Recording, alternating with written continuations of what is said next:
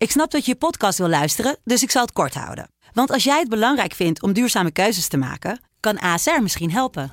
Nou hoor ik je denken, hoe dan? Nou, bijvoorbeeld bij het duurzaam herstellen van schade. Of de premies die we beleggen volgens ons duurzaam beleggingsbeleid. Dat bepaalt waar we wel en juist niet in investeren. Wil je meer weten over welke duurzame keuzes ASR maakt? Ga dan naar asr.nl slash duurzame keuzes. ASR doet het. Zo, dan kan je nu lekker naar je podcast luisteren.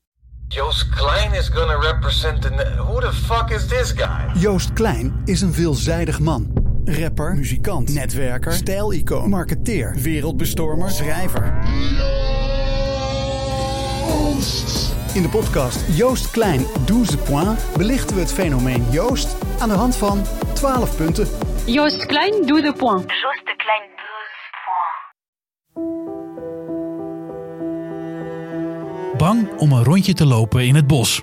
Ik ga niet graag alleen nog het bos in. Ik wil dan toch liever mijn vent bij me. Boos dat je schapen 's ochtends dood in de wei liggen. Voor dit soort wolven, wolven die door wolven en draafrastering komen, is er maar één oplossing en dat is beheer. En beheer houdt afschot in. Het leven op het platteland in Drenthe en Friesland is de afgelopen jaren drastisch veranderd door de komst van de wolf. Dat grote roofdier dat door ecologen juist weer zo wordt bejubeld. Wat het groot probleem is in Nederland is de opvattingen van de ene mens tegenover de opvatting van de andere mens eh, over die wolf. Dus het is een mens-mens probleem. Is hier wel plek voor de wolf? Of moeten we gewoon plek maken? Wij zijn Jeroen Kelderman en Wouter Hoving.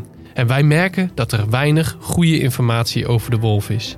Daarom zoeken we uit op wat voor manieren we allemaal zouden kunnen omgaan met die veelbesproken wolf.